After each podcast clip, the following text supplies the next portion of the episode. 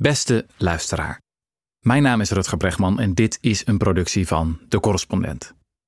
Jaar in, jaar uit beginnen de meest veelbelovende studenten aan banen van, laten we wel zijn, dubieus belang.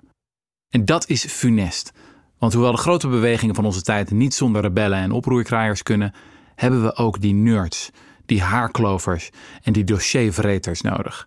Zij hebben ook een cruciale rol te spelen. En daar gaat het verhaal over dat ik vandaag aan jullie ga voorlezen. Voordat ik van start ga, nog eerst even dit. Wij zijn een journalistiek platform dat vrijwel volledig afhankelijk is van jullie. Van jullie bijdrages aan onze onafhankelijke journalistiek. Dus, mocht je dit verhaal de moeite waard vinden, of mocht je misschien een klein beetje een schuldgevoel hebben aan het einde van het verhaal, dan kan je dat allemaal gewoon afkopen, in ieder geval deels, door lid te worden van de correspondent. Dat wordt zeer gewaardeerd. Ga naar www.decorrespondent.nl slash wordlid. Oké, daar gaan we dan. Op een vrijdagavond in november 1968 gaf een jonge jurist een lezing in een afgeladen collegezaal van de prestigieuze Harvard Law School. Zijn naam was Ralph Nader en zijn boodschap was eenvoudig. Jullie staan op het punt je leven te vergooien. De gemiddelde rechtenstudent, zijn Neder, wordt in een paar jaar afgestompt om de rest van zijn carrière te vullen met geestdodend werk. Ieder jaar wordt er weer een cohort van slimme geesten opgeslokt door advocatenkantoren die hun cliënten helpen om regels te ontduiken en belasting te ontwijken. Maar, zei Neder, het was nog niet te laat. Hij nodigde de jongeren uit om zich aan te sluiten bij een nieuwe beweging. Een beweging van de slimste studenten van de beste universiteiten, van Yale, van Princeton en van Harvard. Een beweging die niet zou vechten voor de status quo, maar voor verandering. Niet voor de grote bedrijven, maar voor de burger. Bij het woord activist denken we meestal aan de mensen die bezetten en blokkeren, speechen en scanderen. Maar wat als je daar niet zo goed in bent? Wat als je wil strijden voor een betere wereld, maar je de nobele kunst van het gooien met tomatensoep niet verstaat? Dan moet je op zoek naar een ander soort actiegroep. Zie bijvoorbeeld deze foto. En nu ga ik deze foto even voor jullie beschrijven. We zien hier een schitterende foto van een stel mensen. Ja, wat hebben ze aan? Allemaal deftige advocatenpakken eigenlijk. En ze staan op de trappen van het Capitool. Het zijn er een stuk of honderd. Een fotograaf van het tijdschrift Life schoot dit beeld in de zomer van 1969 op de trappen van het Capitool in Washington, D.C.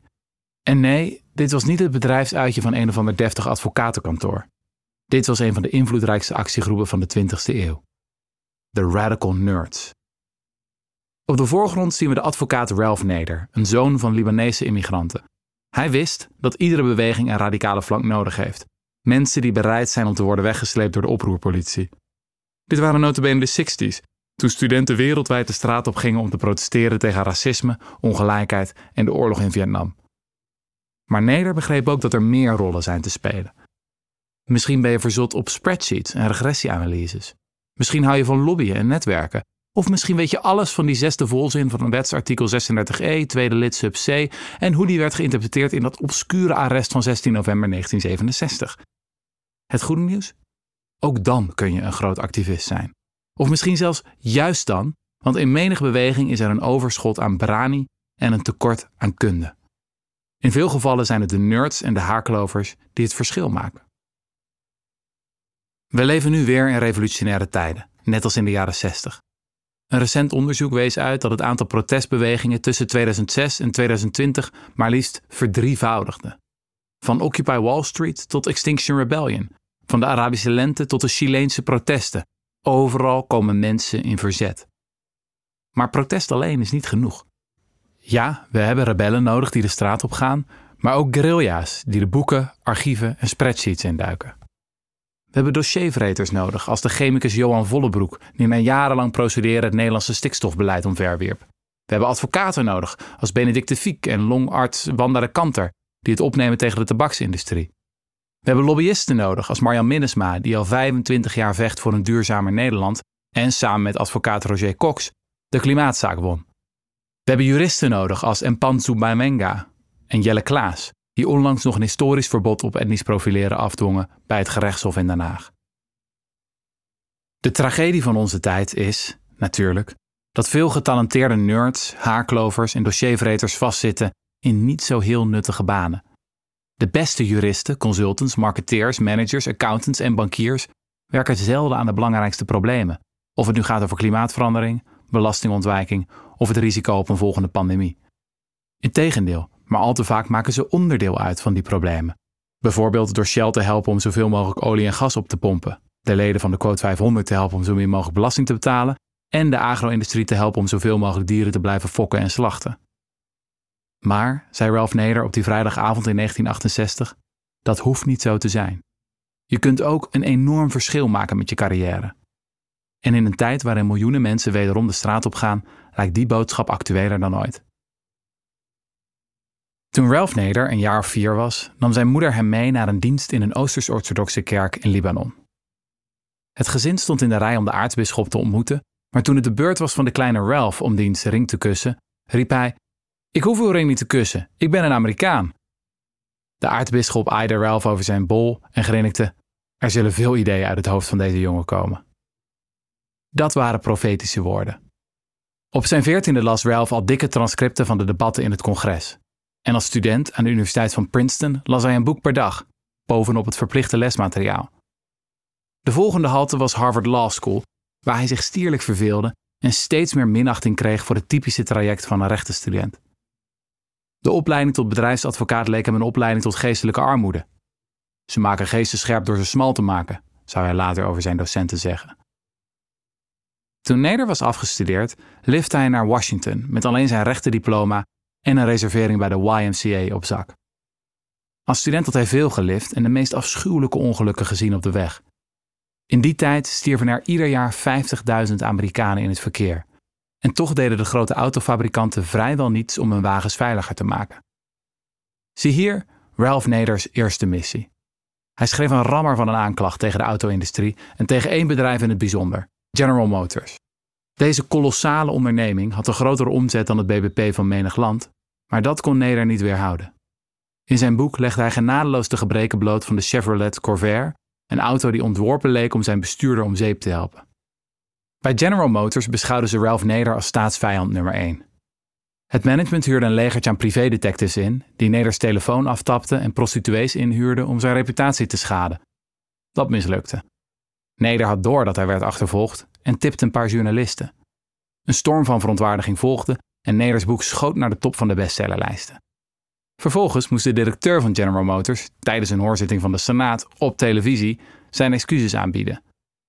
Vijf maanden later ondertekende president Lyndon B. Johnson zowel de Traffic Safety Act als de Highway Safety Act.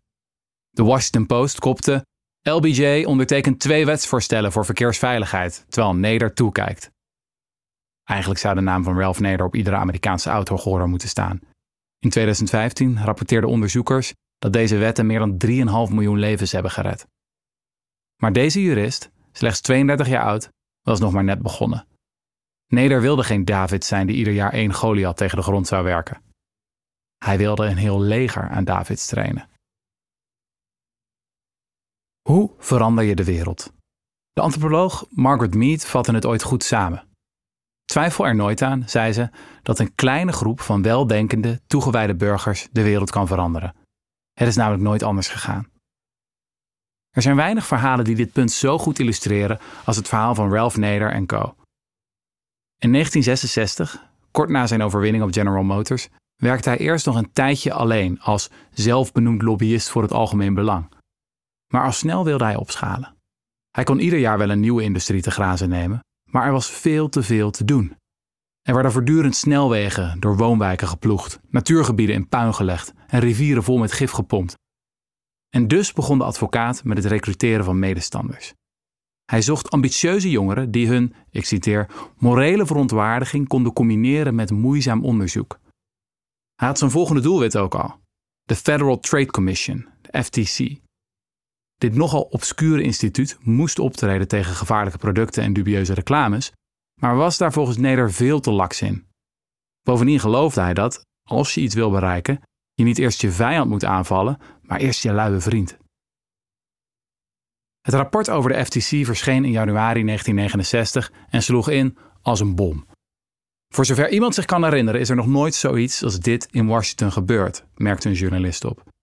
De FTC was volgens Neder Co. een waakhond zonder tanden, bevolkt door halfcomateuze ambtenaren en gekenmerkt door, ik citeer, vriendjespolitiek, geïnstitutionaliseerde middelmatigheid, endemische inactiviteit, vertraging en geheimhouding en, niet te vergeten, een ijsberg van incompetentie en wanbeheer. De Washington Post noemde het onderzoek totaal verwoestend. Dit smaakte, kortom, naar meer. In de maanden erop melden honderden studenten zich bij Neder. Op een zeker moment solliciteerde maar liefst een derde van het studentenbestand van de Harvard Law School. Niet alleen rechtenstudenten waren enthousiast, ook jonge dokters, biologen, chemici en ingenieurs stonden te springen. De beste sollicitanten werden opgedeeld in teams van 7 tot 14 onderzoekers. Zij beten zich vast in grote dossiers als voedselveiligheid, milieuvervuiling en energiebeleid. Tussen de bedrijven door spande Neder ook nog een rechtszaak aan tegen General Motors wegens het schenden van zijn privacy en schikte hij voor het ongekende bedrag van 425.000 dollar, wat weer een mooi startkapitaal was voor zijn groeiende leger. Toen begon het bombardement pas echt. De teams publiceerden het ene na het andere rapport, met titels als Vanishing Air, over luchtvervuiling, vol belastende feiten, cijfers en mislukkingen. Water Wasteland, 700 pagina's over de watervervuiling, een misdaad tegen de menselijkheid. En The Chemical Feast, over de Voedsel- en Warenautoriteit en volgens Time misschien wel de meest vernietigende kritiek op een Amerikaanse overheidsinstelling ooit. De rapporten waren zo droog als een dartbord, maar toch gingen er bijna een half miljoen over de toonbank. En de opbrengst? Die werd gebruikt om nog meer onderzoek te financieren. In de zomer van 1969 gingen de studenten, die door de pers inmiddels Neders Raiders werden genoemd, op de foto voor Life. In het bijgaande artikel vertelde Neder dat hij een nieuwe dimensie wilde geven aan het beroep van advocaat. Hij vond dat de meeste juristen hun ziel hadden verkocht aan hun cliënten. Ze werkten het hardst voor de bedrijven met de diepste zakken, die tegelijkertijd de grootste schade aanrichten. Advocaten zijn nooit daar waar de nood het hoogst is, zei hij. Ik hoop dat de nieuwe generatie advocaten dat gaat veranderen. Nee, daar zouden ze niet rijk van worden, maar rijkdom vond Neder toch al voor de armen van geest. Zelf woonde de beste man in een appartementje waar hij een telefoon deelde met drie huisgenoten. Hij had geen auto en geen televisie en stond bekend om zijn lelijke tweedehands pakken. Een Britse krant omschreef Neder eens als een gewetensbezwaarde tegenstander van mode. Toen Neder eens werd gevraagd hoe de perfecte werkweek eruit zag, antwoordde hij: 100 uur lijkt me ideaal. Hij sliep maar een paar uur per nacht en had vrijwel geen privéleven. Hij leefde als een soort monnik en profeet die volledige toewijding aan zijn secte eiste. Wie niet hard genoeg werkte, kreeg de wind van voren. Die houding bracht de studenten op het randje van opstand, aldus de New York Times in 1971. Maar Neder klaagde dat veel van zijn recruten juist te soft waren. Ze wilden dat mensen s morgens bij hen kwamen zitten en zeiden: Hoe gaat het met je? zei hij. Handjes vasthouden. Een van de grappen op kantoor was dat Neder wel een overtuigd kapitalist moest zijn, want hoe kon hij zijn werknemers anders zo uitbuiten? En toch, ondanks het schrale loon, ondanks de werkdruk, had Ralph een enorme aantrekkingskracht op Jong Amerika. Werken voor Neder was het summum. Ja, hij legde de lat hoog, maar als raider kreeg je ook de vrijheid om je eigen ideeën na te jagen. Het doel van leiderschap is om meer leiders te produceren, niet meer volgers. Alles Neder. En belangrijker nog, het werk als radicale nerd was zoveel interessanter dan het werk bij een of ander suf advocatenkantoor. Als raider kreeg je tenminste iets voor elkaar. Ga maar na. Op de publicatie van Vanishing Air volgde de Clean Air Act van 1970. Op de publicatie van Water Wasteland volgde de Clean Water Act van 1972. En zo waren er nog veel meer wetten met de vingerafdrukken van de Raiders.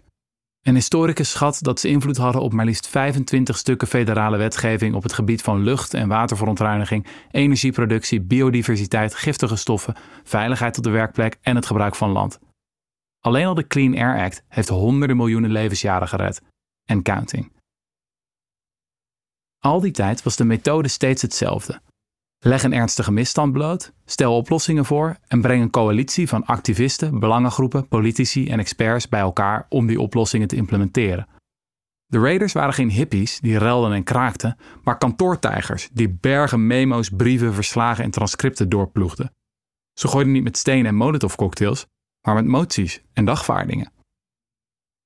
Uiteindelijk zou Neder tientallen organisaties oprichten en inspireren, waarvan er veel vandaag nog bestaan. Lobbyist voor het algemeen belang werd een heus carrièrepad.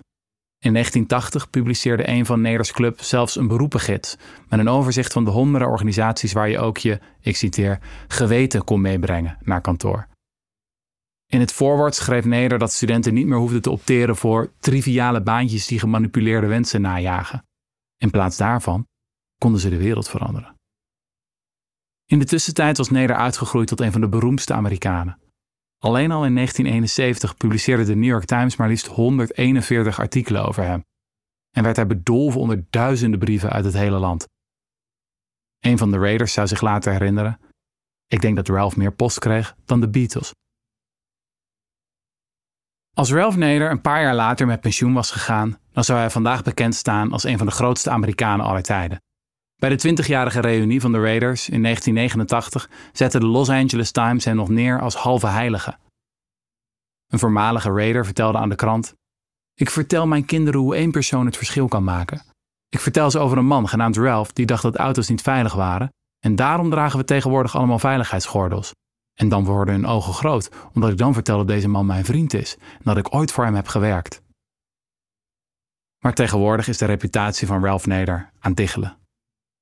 In de jaren 80 verloor hij steeds meer invloed, niet in de laatste plaats omdat zijn tegenstanders zijn tactieken begonnen over te nemen.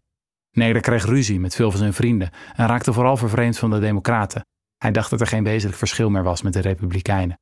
Het gevolg was dat hij steeds meer alleen kwam te staan en het hem niet meer lukte om effectieve coalities op de been te brengen. Toen nam hij een dramatisch besluit. Hij stelde zich kandidaat als president. Veel van de voormalige Raiders keken met afgrijzen toe terwijl een oude held campagne voerde namens de Green Party en miljoenen stemmen wegtrok bij de Democraten. In oktober 2000, een maand voor de verkiezingen, smeekten ze hem om te stoppen. Dear Ralph, schreven ze, je hebt je hele volwassen levens offers gebracht voor het algemeen belang, zoals wij, je vrienden en collega's, goed weten. Er zijn talloze gelegenheden geweest waarbij je op de achtergrond bleef, als dat anderen maximaal ten goede kwam. Het is tijd dat je opnieuw een stap opzij doet in het belang van onze natie. Maar Neder was onverbiddelijk. Tot op de laatste dag voerde hij campagne in cruciale swing states en in Florida kreeg hij bijna 100.000 stemmen. Een paar maanden later werd George W. Bush ingezworen als 43ste president van de Verenigde Staten. In Florida had Bush gewonnen met een minuscule marge van slechts 537 stemmen. Dat wil zeggen, zonder Neder was Bush nooit president geworden. Als tegenwoordig de naam van Ralph Nader valt, denken veel Amerikanen aan de dramatische uitslag van november 2000 en alles wat erna kwam. De belastingkortingen voor de allerrijksten, het instorten van de milieubeweging en bovenal de oorlog in Irak. De tragiek van Nader was dat hij veranderde in een profeet die doof werd voor kritiek. Hij hield halstarrig vast aan zijn oude tactieken, ook toen ze averechts begonnen te werken. Hij bleef zijn vrienden aanvallen, ook toen hij bijna geen vrienden meer over had. Hij had een eindeloos vermogen om nederlagen te incasseren maar vergat dat er niets nobels is aan verliezen op zich. En toch, en toch. Toch denk ik dat we nog steeds veel kunnen leren van de oude advocaat. Nog altijd zitten talloze juristen, consultants, marketeers, managers, accountants en bankiers vast in goed betaalde, maar betrekkelijk nutteloze of zelfs schadelijke banen. Nog altijd staan we voor enorme uitdagingen die we niet met louter leuzen en tomatensoep kunnen bestrijden. We hebben straatvechters nodig en studiebollen, rebellen en nerds. In september 2015 was Ralph Nader weer terug op de campus van zijn oude school, Harvard Law School. Er was veel veranderd sinds zijn studententijd. Toen liepen er bijna alleen witte mannen rond, terwijl de studentenpopulatie nu veel diverser was. Maar andere dingen waren nog hetzelfde. Nog altijd stonden de meeste juristen aan de kant van de huisbazen, niet de huurders, de schuldeisers, niet de schuldenaren, de daders, niet de klokkenluiders, de kans op een dik betaalde, maar zieloze baan was hoogstens wat gedemocratiseerd. Je hebt nog 2500, misschien 3000 weken, sprak Neder zijn jonge publiek toe. Wat wilden de studenten doen met de rest van hun leven? Hoe wilden ze straks terugkijken op hun loopbaan? Verlaag jezelf niet, pleitte de advocaat, door je talenten te verkopen aan de hoogste bieder. In feite had Neder dezelfde boodschap als 47 jaar eerder, op die vrijdagavond in 1968, toen hij de eerste lichting van zijn raiders recruteerde. Jullie staan op het punt je leven te vergooien. Maar het is nog niet te laat.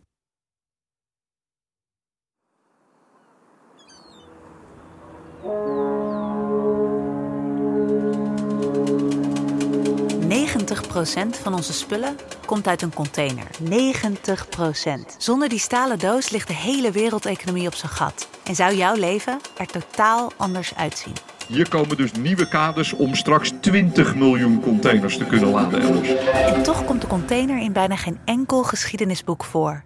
En weten we nagenoeg niets over de reis die onze spullen erin over de wereld afleggen. Het is een ongelooflijk bewijs dat we als Nederland iets kunnen. En hier zijn we goed in. En dat laten we hier de hele wereld zien. Het is een bizarre paradox. Containerschepen behoren tot de grootste door mensen gemaakte dingen op aarde. En ze zijn tegelijk totaal onzichtbaar. En duik je in de wereld van de container, dan zie je ineens dat die stalen doos van alles verbergt. Ja, totaal is er 3,2 miljoen kilo rotzooi in zee beland. Er is een criminalisering opgetreden van zeevarenden. Het wordt echt een gevangenis. Some of the worst cases are over four years that seafarers have been left on board. They haven't gone home.